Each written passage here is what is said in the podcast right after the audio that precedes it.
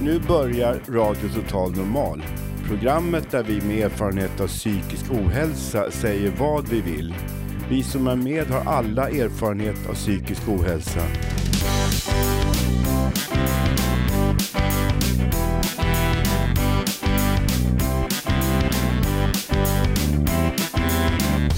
Du lyssnar på radio Total Normal. 101,1. Totalt normalt. Radio Total Normal, torsdagar från två till halv fyra. Vi livesänder med publik från Götgatan 38 i Stockholm. Kom hit och lyssna. Här är alla röster lika värda.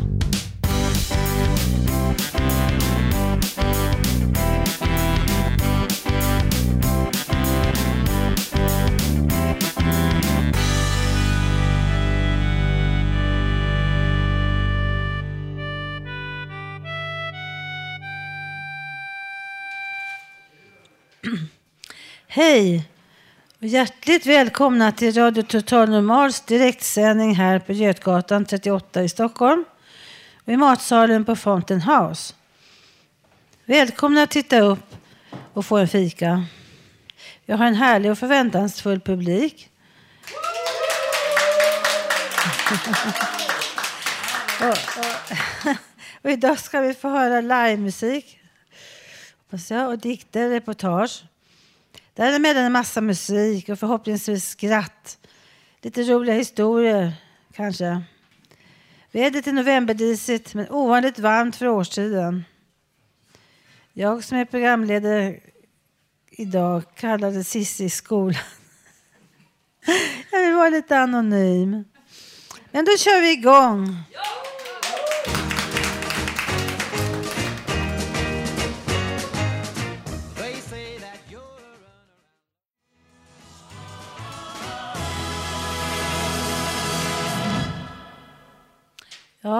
nu är det så att nu kommer Håkan jag får presentera det här inslaget själv.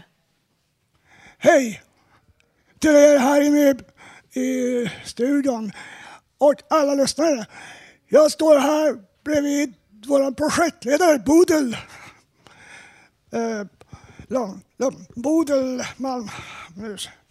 Ja, Lundmark ska det vara.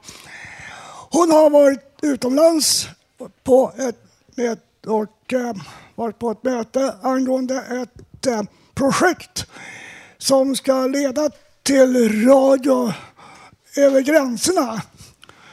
Och eh, min fråga till dig Bodil, var kom den idén ifrån att starta detta? Eh, jo, men det var så här att eh, det var en kvinna från Italien som heter Sara som mejlade mig och frågade om eh, vi ville samarbeta lite grann och att de gör ett liknande radioprogram i Italien. Och hon hade kontaktat en del andra länder i Europa som också gör liknande radioprogram. Eh, och så bestämde vi eh, oss sju länder då för att tillsammans söka pengar. Eh, det, ehm, det kallas internationella programkontoret och det har med EU att göra.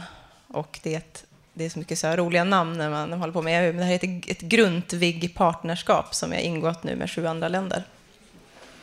Så att eh, vi ska samarbeta och se hur vi kan eh, utbyta idéer, metoder, eh, träffas eh, och eh, ja, göra lite radio tillsammans.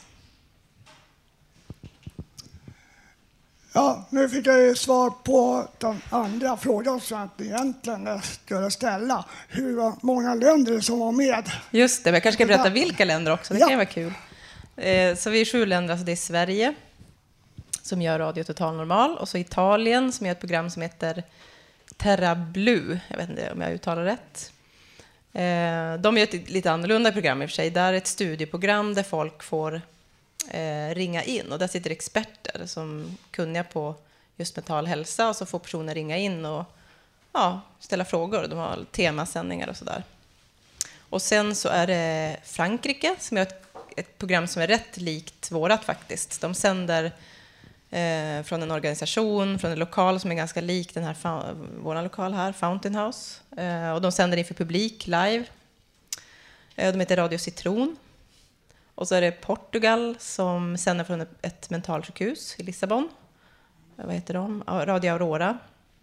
Och så är det Radio Nicosia som eh, också är rätt likt eh, vårt program som sänder från Barcelona i Spanien.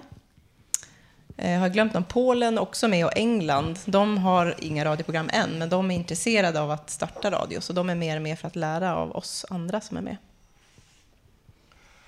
Ja, hur lång tid ska det där samarbetet då pågå? Eh, Det ska pågå i två år. Så att eh, det är 2013. Så under den tiden så ska vi göra en, eh, en hemsida, en internationell hemsida. Där man kan gå in och titta på vilka...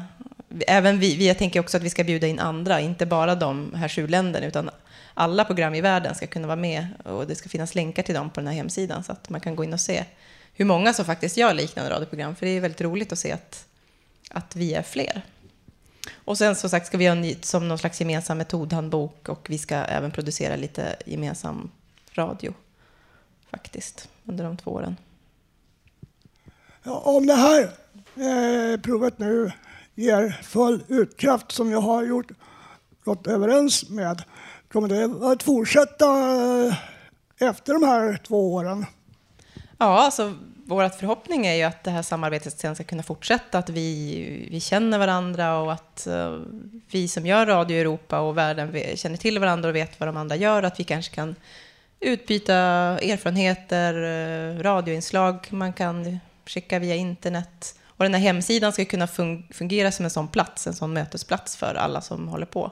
Och att vi också kan, den här webbplatsen ska kunna fungera som ett sätt att eh, hjälpa andra att starta radio. Om man är intresserad av att starta ett radioprogram i något land så ska man kunna kanske gå till hemsidan, hitta kontaktuppgifter till, till oss som kan tänka oss att hjälpa till att handleda, man kan hitta material och så vidare. Så att det hoppas vi ska bli ett långsiktigt eh, resultat av projektet. And I want to thank Booty for that. And I wish everybody's countries with that, uh, they have a good luck with that this first two year old. Bra idé. Thank you. Tack så mycket.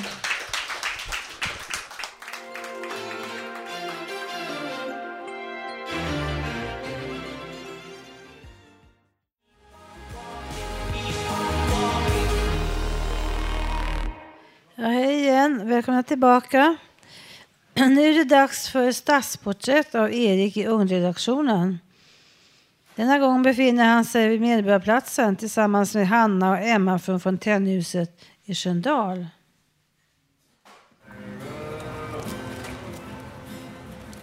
Ja, vi står här på, vad var det här någonstans? igen? Torget här. Medborgarplatsen. Nära Medborgarplatsen typ. Så just nu har jag typ mössa och grejer på. Tvungen att sätta på mössa och vantar och sådär typ. Jag känner mig typ så här som en riddare typ. Så här rustning och så typ. Sen har det blivit mörkare också så vi tänkte se hur det påverkar folk. Ja, vad betyder mörkret för dig? Det är då man ska sova.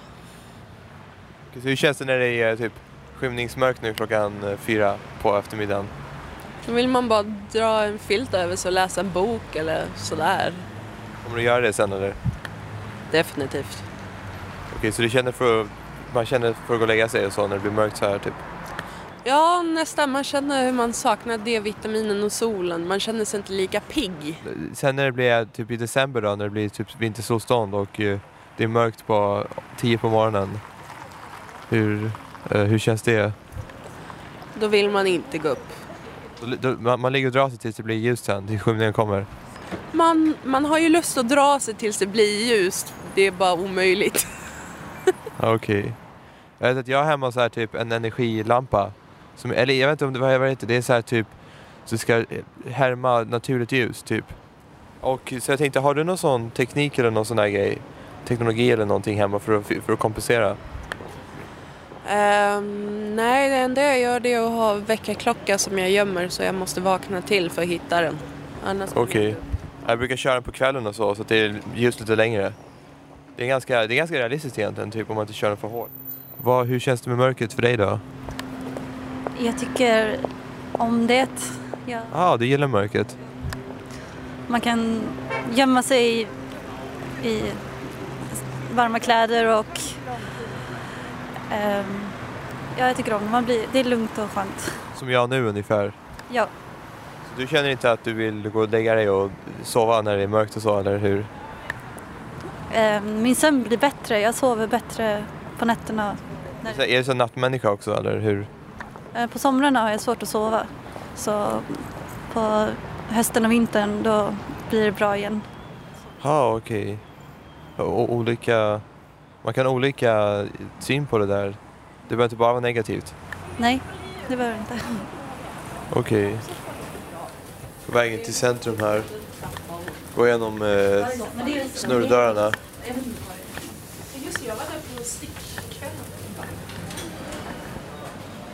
Här är ljust och, och varmt och skönt. Ursäkta, vill du svara på några frågor för radion? Hur, hur känner du för... Eh, eh, det börjar bli mörkare just nu. Håller du med om det?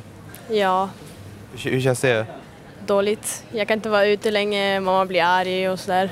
Hon vill inte att jag ska vara ute när det är mörkt, hon blir rädd för mig och sådär. Så, Ja, okej, det är lite farligt också. Okej, för vi har på att prata om att man har eh, ljuslampor och sånt där och brukar försöka, vill inte gå upp på morgonen och sånt där typ. För det, ja, alltså det finns lampor men ändå mamma säger att jag får inte vara ute när det är mörkt för det är farligt och sådär. Så, ja. tack så mycket. Ja, det var vårt program idag. Och vi är här på måndagen inne i eh, Medborgarplatsen, cent- vad heter det? Medborgarplatsen centrum. Söder, förlåt, Söderhallarna. Så vilken koll jag har idag. Och eh, vi har frågat lite folk vad de tycker. Det är ljust här inne just nu och det är fint och så varmt. Men utanför så härskar besten. Tack för oss.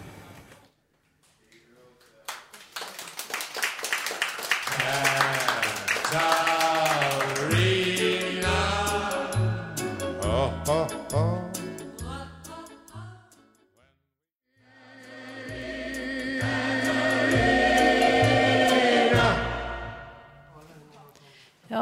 nu är vi tillbaka igen här. Jag har fått en medarbetare som står bredvid och hon heter Anna. Och du ska läsa en text. Det var det. Varsågod Anna. Tack så mycket. Eh, jag heter Anna. Jag har eh, bipolär sjukdom och eh, har skrivit en text om livet när man kanske inte mår sådär jättebra. Inför livet är vi alla lika. Vi är människor, varken mer eller mindre. Men världen är stor. Försök att skriva om det. Jag ska resa mig ur det här. Jag ska ta mig ur det här levande. Veni, vidi, vici. Det är inte det att jag vill dö. Jag vill bara inte leva. Det är bara det att jag är rädd. Rädd för livet. Livrädd. När det varken känns meningsfullt eller meningslöst, vad är det då? Nej, jag vill inte dö. Jag längtar inte efter döden. Jag är rädd för den. Rädd för Armageddon, för slutet, det oändliga. Jag är rädd för det jag inte kan kontrollera och det är därför jag är rädd. Var det inte du som sa, var det inte du som sa att allt det negativa går att vända till det positiva? För jag, jag kan det inte. Jag är svag, jag är så jävla svag.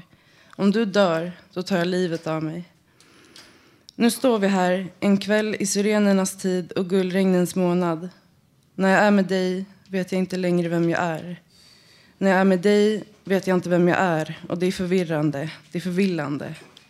Jaha, du och jag, vi och dem, sanning och lögn. Att minnas, att glömma, gråta och förlåta. En odyssé vi alla måste göra. Men veni vidi vici goddammit, jag ska gå ur det här levande. Och vi, två pjäser i det stora spelet. Två maskrosbarn sprungna ur betongen. Två barfota barn som har tappat sina ord i livet. Och nej, allting kommer inte att bli bra. Saker och ting kommer inte att försvinna. Jag kommer inte att bli bra. Tiden läker inte alla sår. Och sakerna och tingen kommer fortfarande att finnas kvar. De finns kvar där även fast du blundar. De finns kvar där även fast de inte syns. Sorgebarnen med frågeögon har slutat att fråga. Skymningsbarnen, de som aldrig fick se det som vi ser, har slutat att dansa. De barfota barn i livet. Nej, jag vill inte dö. Det är bara det att jag inte vill leva. Att överleva är inte att leva. Livet är inte bara glitter och grus. Ingenting är allting. Allting är ingenting. Vad väljer du? Vem är du? Var kommer du ifrån? Vad förlorade du? Vad fann du? Vad fick du? Vad gav du? Nu står vi återigen här, en kväll i sirenernas tid och gullregnens månad. Allt för en fläkt av sirenernas vår och gullregnens klasar. När jag är med honom vet jag inte vem jag är. Det är förvirrande. Han äger mig inte. Mig äger ingen, ej ens jag själv. Jag är ensam, ett barfota barn i livet. Och jag är svag. Jag är så jävla svag. Om du dör, då ska jag leva för dig. Jag vill att det ska vara vackert, långt ifrån allt det fula. Jag ska måla det i alla färger. Glitter och grus, nyklippt gräs, hägg, vårregn och syrendoft, körsbärsblom, som snö i juni, rosbuskar vid grusgången, björk och viol, jordgubbsland. Kärlek och revolt. Löjtnants hjärta och malvor, jag älskar dig av hela mitt hjärta. Jag ska ta mig ur det här levande. Veni, vidi, vici.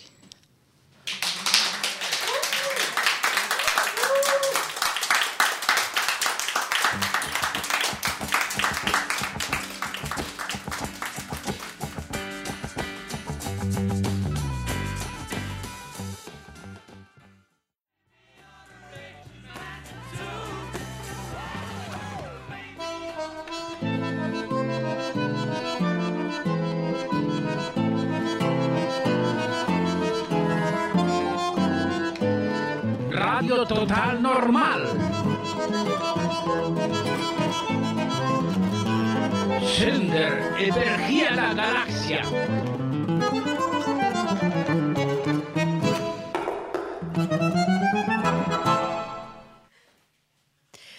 Jaha, och nu ska vi få höra ett inslag som kommer från Fanzingo som är den förening som Radio Total Normal drivs av. De håller till i Botkyrka och jobbar med olika projekt för att nya berättelser ska höras i media. Inslaget vi ska få höra nu är ett urklipp från deras produktion Botkyrka 15 minutes. Det är ett inslag av Anna Lagerqvist och Bilal Arechan. Och den här gången är temat ångest.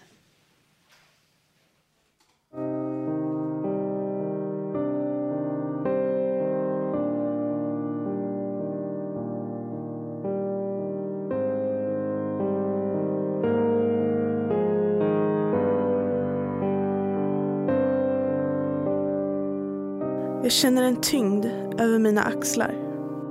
Ett täcke lägger sig över mig och pressar ner mig mot madrassen. Det är maskar under huden. De kryper, krälar, kliar och det ligger en sten över bröstet och jag flämtar efter luft. Jag kan inte sitta, inte ligga, inte stå, inte andas. Jag blir blind och döv och omvärlden kan inte kontakta mig. Stanna världen, sluta snurra och snälla låt mig bara få andas. Jag faller. När jag träffar marken går jag i tusen bitar och ingenting kan pussla ihop mig igen. Det gör ont. Överallt. Om någon håller ihop mig går jag kanske inte sönder. Magen knyter sig. Jag blir äcklad av mig själv. Tänk tänker att jag är en äcklig liten horunge som inte är värd att leva. Hatar mig själv så mycket att jag vill dö. Eller nej, jag hatar mig själv så mycket att jag vill slå mig själv till döds. Varför väntar jag bara på att allt ska bli bra? Sluta vara ett sånt jävla missfoster, Anna. Och börja reagera normalt. En katastrof är en tsunami, ett jordskred eller terrordåd. Inte ett jävla IG på ett prov. Jag blir matt i kroppen. Och efter ett tag blir jag paralyserad av paniken. Jag kan inte röra mig. Jag kan inte förmå mig till att se efter vad klockan är. Jag kan inte förmå mig till att gå upp och sätta på en skiva. Jag kan inte förmå mig till att lägga kuddarna rätt och jag kan absolut inte förmå mig till att leva. Jag är borta. Jag finns inte. Ingen kan se mig och ingen kan höra mig för jag existerar inte. Sen kommer tomheten. Vad spelar det för roll om jag lever eller dör? Vad spelar det för roll att jag inte fixar skolan? Ingenting spelar någon roll. Först då kan jag somna. Klockan är tre och jag är helt utmattad. När klockan ringer på morgonen trycker jag på snooze. I en och en halv timme tänker jag att jag ska gå upp om en liten, liten stund bara. Men sen stänger jag av och ger upp. Det finns ingen mening med att gå upp och gå till skolan, så istället ligger jag kvar.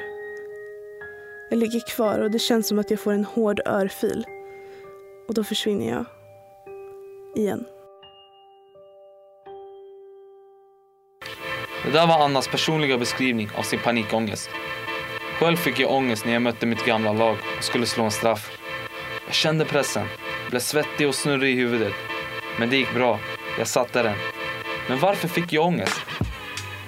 Jag åkte till Solna för att fråga en expert om vad han har att säga om det.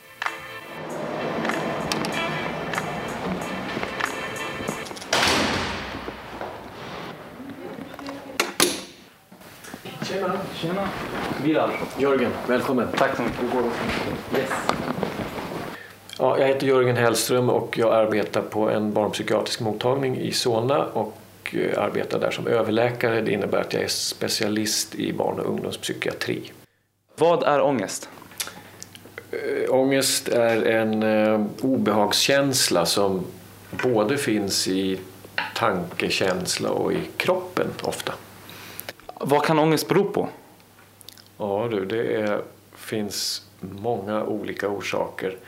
Ibland vet man vad man har ångest för och ibland vet man inte. Men eh, det kan vara saker man har varit med om eller så är det ens eget eh, säga, neurologiska system som spelar en ett spratt. Det kan vara ärftlighet. Om man har föräldrar eller andra släktingar som har mycket ångestproblem så kan man också ha ärvt en benägenhet att få ångest. Hur vet man om man har ångest? Alltså, hur vet en 17-åring om man har ångest eller om det bara är rädsla till exempel? Mm, det är en bra fråga för att när man kommer hit till oss på barnpsyk då är det ju en del som säger att jag har ångest. Jag brukar alltid fråga vad menar du? Kan du beskriva? För att ångest är ju ett, ett begrepp som vi har en ganska bra bild av som vad vi tänker är ångest. Men då är det ganska många gånger som, som uh, ungdomen berättar om någonting annat. Mm. Så att eh, man, man vet att man har ångest när man har något obehag som, som känns och som man inte vill ha kvar. Uh, vilka är de vanligaste ångestsymptomen? Ja, kroppsligen kan man säga att det kan vara hjärtklappning, lite yrsel, muntorrhet. Eh, man kan få ont, man kan bli andfådd. Har man också en panikångestattack då tror man ju att man ska dö. Så att då, då har man ju full, hela kroppen är i full försvar. Finns det några medel för att undvika ångest? Vad kan man göra? Ja, man kan lära sig vad som eh, löser ut ångesten. Man kan förstå varför man reagerar på olika sätt och det kan man göra ihop med oss här som någon slags terapi.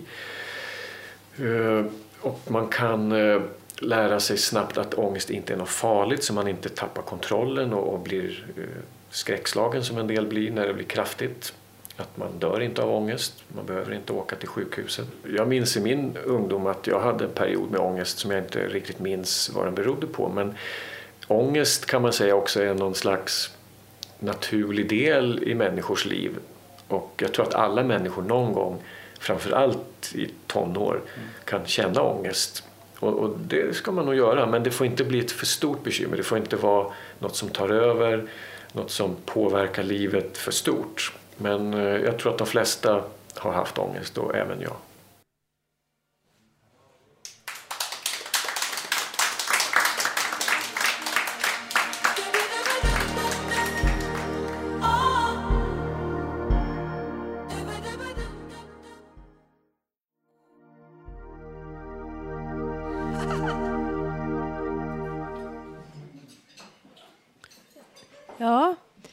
Tillbaka igen här. Nu har vi en ny man som står här bredvid för får presentera sig. Sitt inslag. Varsågod Hasse. Ja, jag heter Hasse Kvint och jag ska prata om John Lennon och sen sjunga en Beatles-låt tillsammans med Lars. I don't want to spoil the party. John Lennon.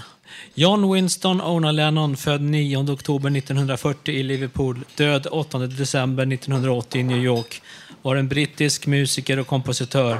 Han var en av grundarna till musikgruppen The Beatles. Han var gitarrist och klaviaturspelare. Som kompositör och sångare, dels med The Beatles och dels som soloartist, var han en av rockens förgrundsgestalter. Han är välkänd för sitt samarbete med Paul McCartney. John Lennon var en betydande fredsaktivist. Han mördades 1980 av Mark Chapman i New York dit han flyttat år 1971.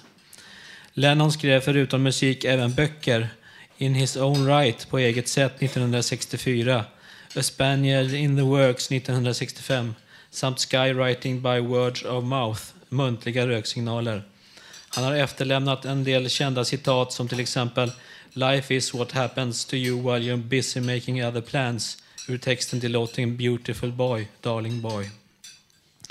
Lennon ingick sitt första äktenskap 1962. Hustrun var Cynthia Powell född 1939 som han hade varit tillsammans med sedan 1958. De fick året därefter sonen Julian. Han skildes från Cynthia sedan han inlett ett förhållande med konstnären Yoko Ono. Med henne fick han sonen Sean 1975. De gifte sig 1969. Och nu ska Lars och jag sjunga en Beatles-låt som heter I don't want to spoil the party.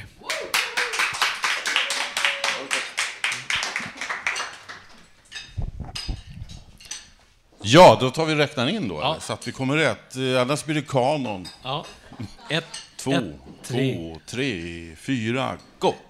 I don't wanna spoil the party so I go I would hate my disappointment to show There's nothing for me here So I will disappear If she turns up while I'm gone Please let me know I have had a drink or two and I don't care There's no fun in what I do if she's not there I wonder what went wrong.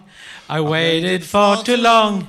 I think I take a walk and look for her. Though tonight she's made me sad, I still love her. If I find her, I'll be glad. I still love her. I don't wanna spoil the party, so I go. I would hate my disappointment to show. There's nothing for me here, so I will disappear. If she turns up while I'm gone, please let me know. Though tonight she made me sad, I oh, still love her. If I find her, I'll be glad.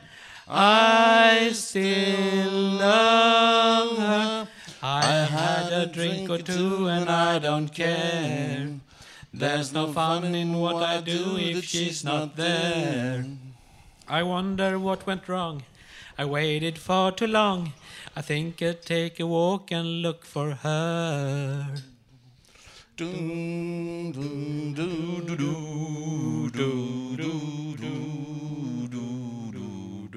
boom, boom, boom. Tack så mycket.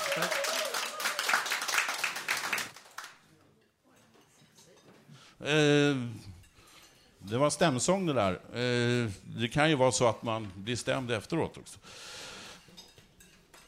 Men eh, det här var en låt från 1964 och jag har, kan väl dra, fortsätta lite i samma fotspår. Det här med Liverpool och eh, humor och sånt. Eh, John Lennon fick ju frågan en gång. How did you find America? Turn left to Greenland.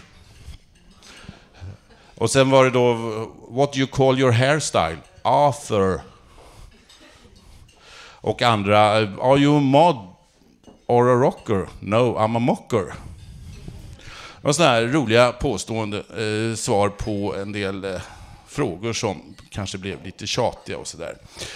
Ja, eh, det, tänkte att det ska bli lite kul här nu i Radio Total Normal. Jag återkommer lite senare i programmet, men jag kan väl fortsätta att spinna på det här med eh, sång och musik, eller också är det inte sång och musik. Björn Ranelid ska vara med i Schlagerfestivalen. vad säger ni om det? En låt som heter Mirakel, han har själv skrivit texten. Och ja, vi får väl se hur det går eh, med Björn Ranelid. Eh,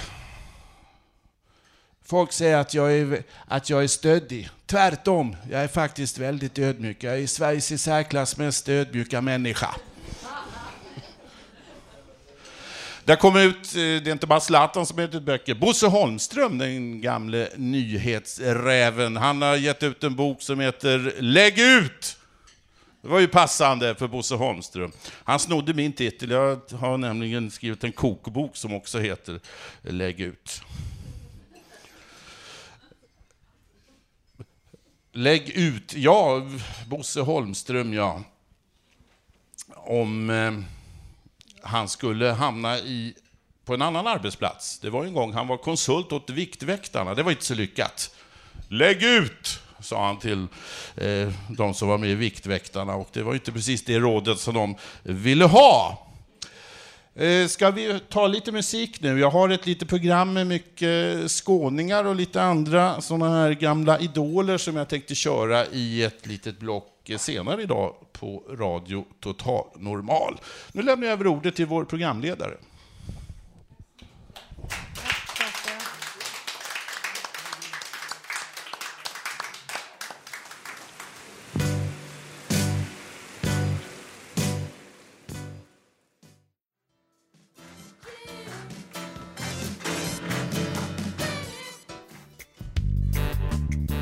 Direktsänd radioshow producerat av oss med erfarenhet av psykisk ohälsa.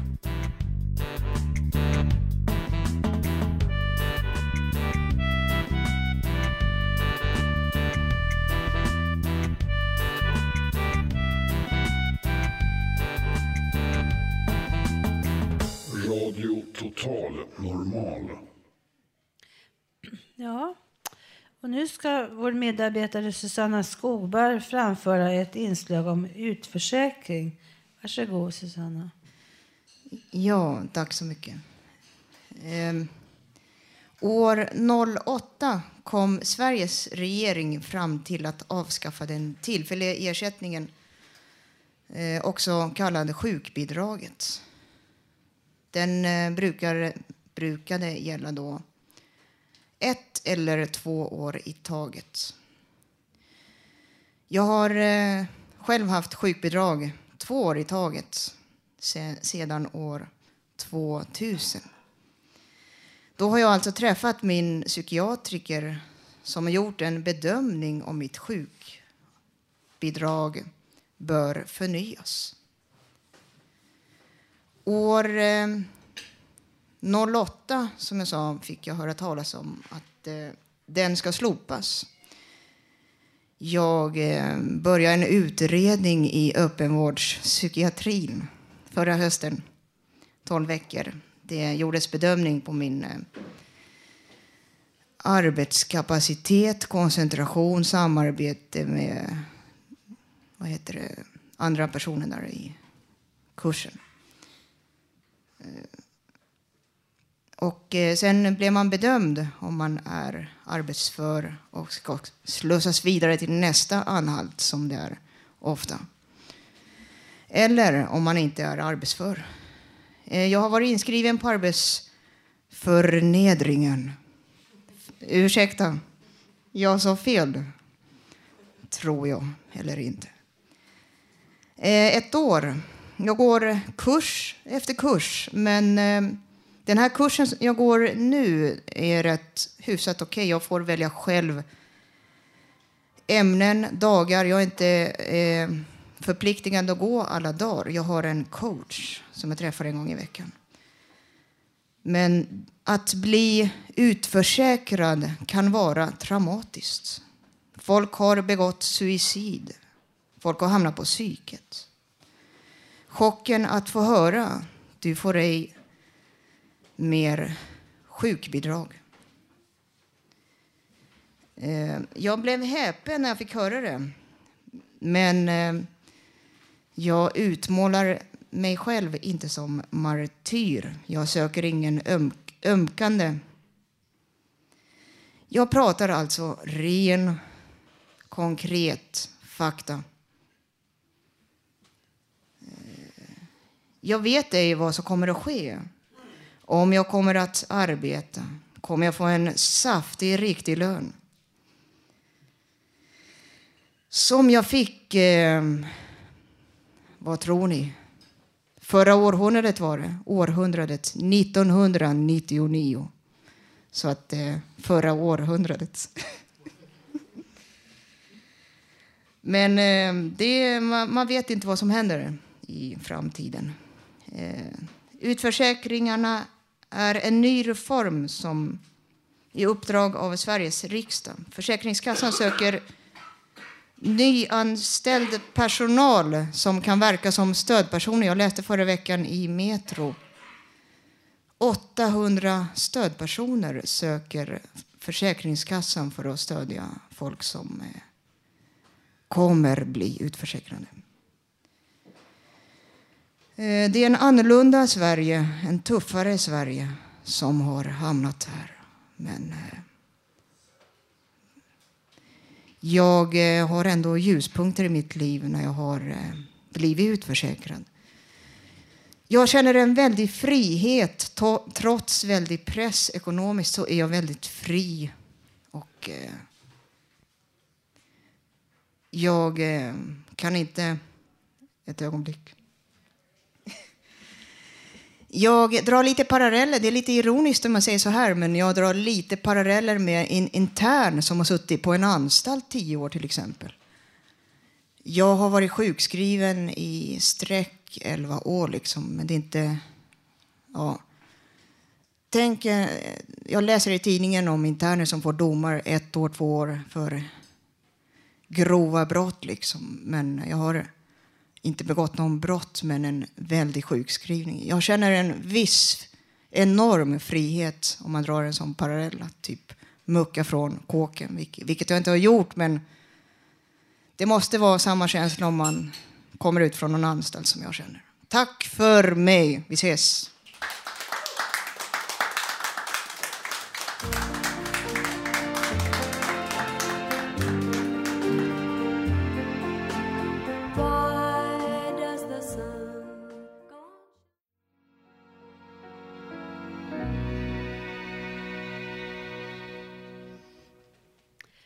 Jaha, hej igen. Nu har vi Robert här som ska du läsa en text. Varsågod. Ja, hejsan. Det är 2011. Det är på Södermalm i Stockholm. Och här ska jag läsa något som kan kanske vara lite hårt att tänka på att det faktiskt var så här. Men det var minnen från liv som ung, som ung vuxen. Visst, jag minns er. Ni sa att ni skulle vara mina polare. Jag underber mig varje tanke på att ni skulle anses respektera mig. Det är inte någon en, en ung man vill höra. Din flickvän var din kompis gamla morsa. Sanslöst. Vad sade ni om hur jag var? En del gånger sade ni, som jag minns, att min flickvän när jag var ung, så vad var som jag sade? Ni sade att det var min polares gamla morsa. Det fattade inte jag. Jag hade en annan bild på saken. Andra gånger sades det att jag hade lina med min egen mor. Även om jag skulle försöka behålla distansen till mig själv så var det inte roligt att ständigt minnas dessa rena förolämpningar mot min person. Men det var inget att göra. Jag hade bestämt det för vem jag var och hur jag skulle behandlas. De försökte inte ens vara hjälpligt schyssta mot mig. Vad kan man mer säga? Som det är det inte något en ung man tycker är roligt att höra.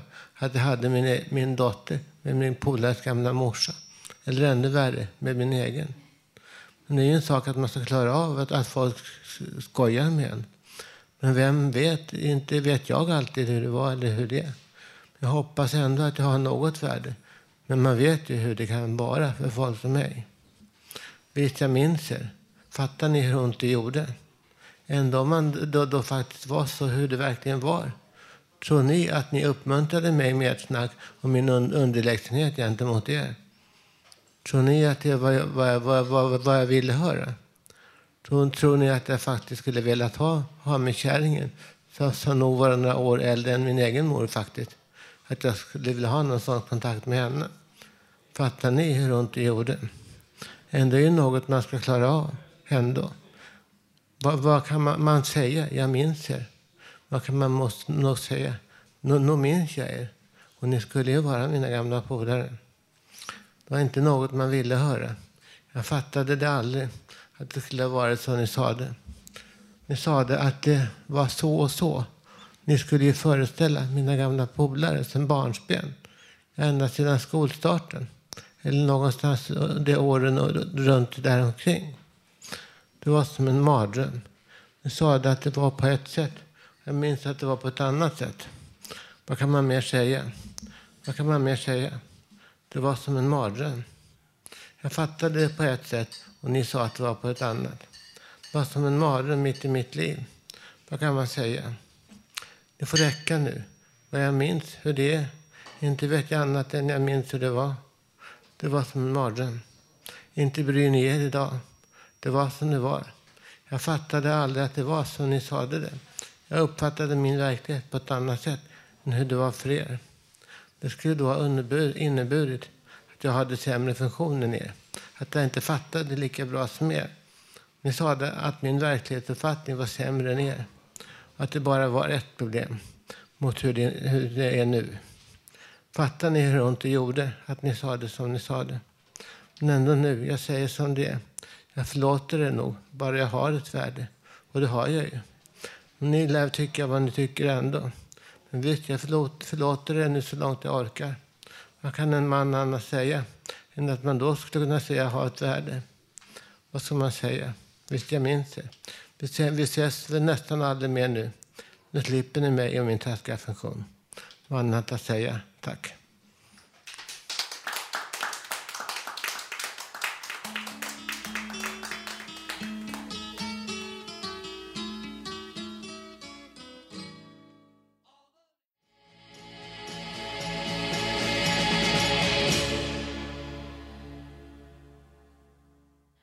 Igen här.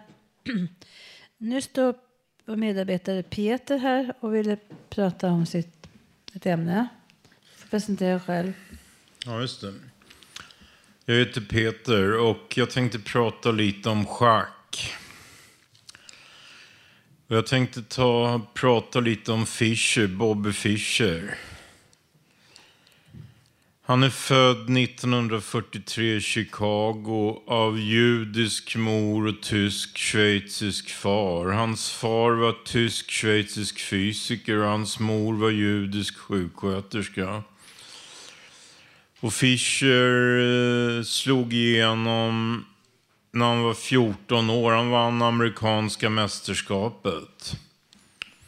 Och sen eh, deltog han 1958 i Jugoslavien i en väldigt starkt besatt interzonturnering i Ljubljana, Porturås. De var 15. Han kom av 22 deltagare på femte plats i väldigt hårt motstånd. Och jugoslaverna respekterar honom väldigt. Han är väldigt känd i Jugoslavien. Josip Broz Tito på 60-talet skickade telegram att han ville träffa Fischer, amerikanen som spöade alla ryssar hur lätt som helst i schack. Och Josip Broz Tito skickade telegram att Fischer skulle infinna sig på presidentpalatset i Belgrad. Fischer hade en Mercedes i Jugoslavien. Och eh, Fischer har varit 1962 i Stockholm. Och eh, han vann en väldigt starkt besatt turnering. I, den spelades i Kungshallen mittemot Konserthuset. Och han var 19 år då. Det, var februari-mars 1962. Det, det, var väldigt starkt besatt turnering och Fischer vann med 2,5 poäng före bästa ryssar. Och Fischer eh, har sagt att ryssarna är myglare. En gång 1970, det finns bevis för det. En gång 1970 under en turnering i Jugoslavien i Rovin Zagreb. Fischer mötte en jugoslav som hette Kovacevic. och det senare bekräftat att ryssarna satt på ett hotellrum och analyserade och meddelade de avgörande dragen till Petrosians fru som meddelar Kovacevic de avgörande dragen och de besegrar Fischer. Och Fischer har sagt att han tror att ryska säkerhetstjänsten döda estniske spelaren Keres. Det var 1975. Fischer har sagt i en intervju att han tror att ryska KGB de tog koll på Keres. Keres var en av världens främsta spelare på 50, 60 och 70-talet. Och han var inbjuden 1975 till Kanada i Vancouver och fick ett enormt mottagande av balterna där, ester, letter och litauer. De hade stor bankett och det var simultanföreställningar. Och Fischer tror att Keres hade tänkt hoppa av. För Keres återvände till Tallinn och steg av planet och då föll han ihop. Och Fischer påstår att ryska säkerhetstjänsten dödade Keres. Och eh, Fischers främste motståndare var ju Karpov. Det var 1975. Fischer vann som bekant på Reykjavik 72 på Island mot Boris Spassky. Och Eh, senare 1975, Karpov tränade väldigt hårt utanför Moskva. Han var beredd att möta Fischer i en match. Och de här två har träffats i Belgrad 1975. Karpov flög in från Moskva och Fischer från Pasadena. Och de träffades i Belgrad. Och Fischer ställde 179 krav till ryssarna. Och de uppfyllde inte fyra av de här kraven, så det blev ingen match. Och sen senare så har en miljardär erbjudit, det var 1980, en miljardär erbjöd Fischer 8 miljoner dollar för att spela en match mot Karpov 1980. Och det, Karpov och Fischer har träffats också på Manila på Filippinerna. Jag vet inte om det var 76 eller 80. Karpov flög in från Moskva och Fischer från Kalifornien. Och de träffades i Manila, Filippinerna och ett halvår senare i Tokyo, i Japan. Och dit, diskutera. Karpov var väldigt bra också. Och han är från Zlatost bakom Uralbergen. Och eh, Botvinnik reste när Karpov var tio år för att träffa honom. Botvinnik var chef för ryska schackskolan. Och Botvinnik var världsmästare 48. Och han reste till Zlatost, han ville träffa Karpov och han sa att Karpov kommer bli väldigt bra. Är det klart? Ja. Och det, Karpov och Fischer har träffats i Washington DC 79 under någon bankett också. Och pratat. Men de spelade aldrig, de bara träffades och pratade. Jag får tacka för mig.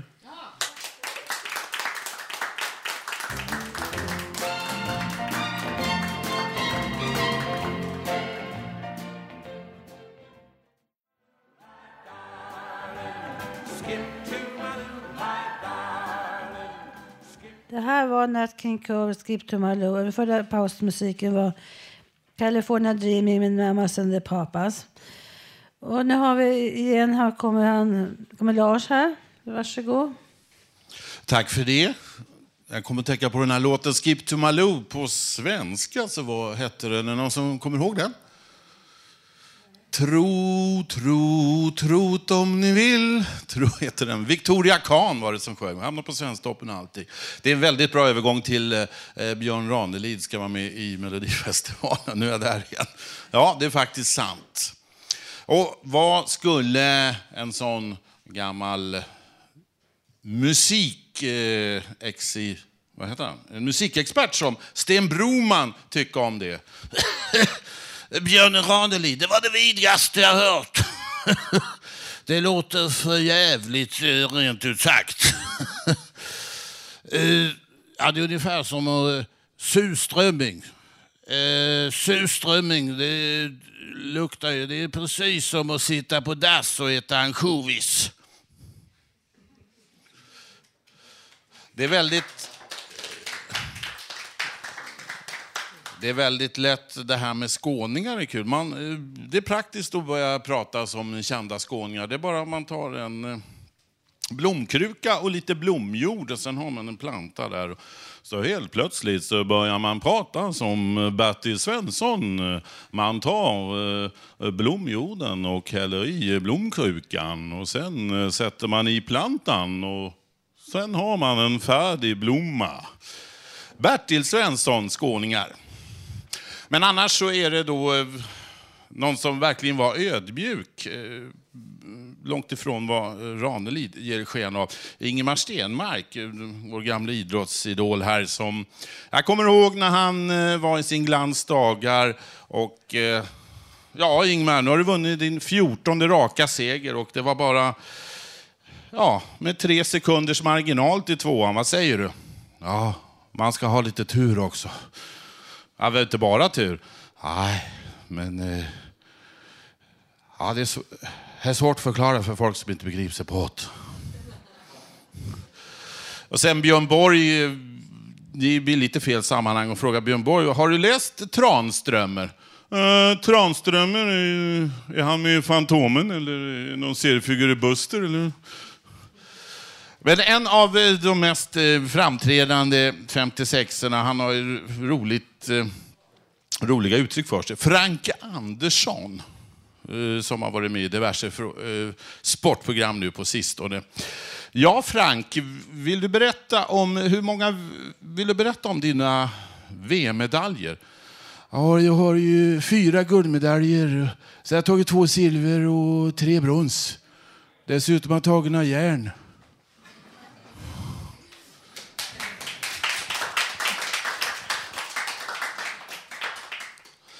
Jag tänker på det, just det här med eh, Bo Holmström som var inne på förut. Han hade ju sitt berömda lägg ut där vid västtyska ambassaden. Man tänker på hur fort tiden går egentligen.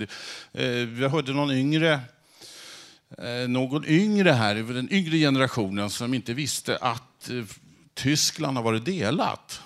Så att, ja, tiden går fort ibland. Och då skulle det behövas en sån där riktig historiefarbror som Hans Villius som verkligen kommer och berättar hur det var.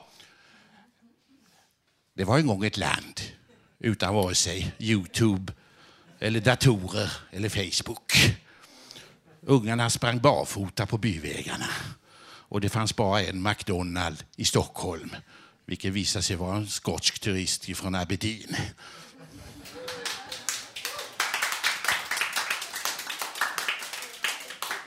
Jag tänkte sluta med en liten historia från Finland. Har vi några med finsk påbrå här som sitter i våra lokaler? Där, ja. Lite grann där också, ja.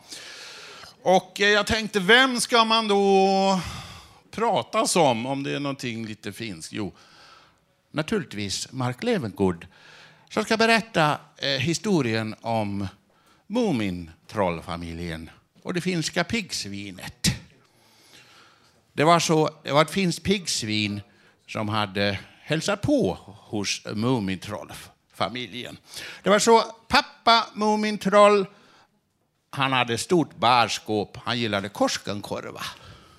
Och mamma Mumintroll, hon tyckte om att göra katrinplommon. Hon hade lite problem med magen. Och lilla Mumintrollet, han tyckte om sydamerikanska sivor. Han spelade sina sydamerikanska sivor. Sen en dag så hade de varit ute och sen kommer då familjen tillbaka och då upptäcker de att de haft oväntat besök. Då sa pappa Mumintrollet, vem är det som har varit och nallat på mina Koskenkorvaflaskor? Det fattas. Och mamma Mumintroll, hon sa, vem är det som har tagit av mina katrinplommon? Och så kom det lilla Mumintrollet och sa, vem är det som har spelat mina sydamerikanska sivor? Och de undrade, vem kan det ha varit? Och då kom det fram en liten figur runt hörnan. som eh, sa hick, prutt, cha cha cha, hick, prutt, cha cha cha, hick, prutt, cha cha cha. Tack för mig.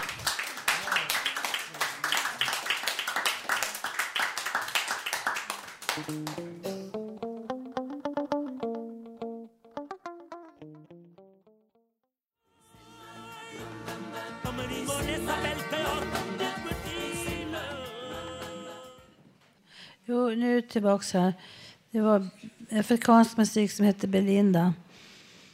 Och nu har vi Ulf bredvid här som ska läsa en dikt. Varsågod Ulf. Poesi i Radio Total Normal. Det är fredag november. Igår var torsdag. Nu 2011.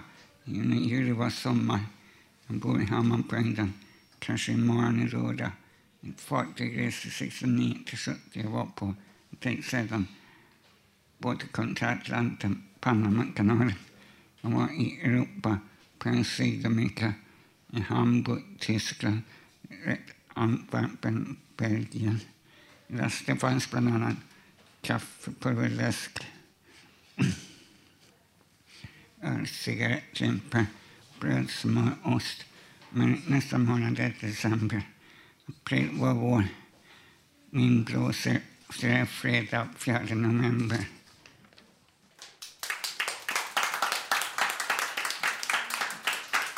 Tack för...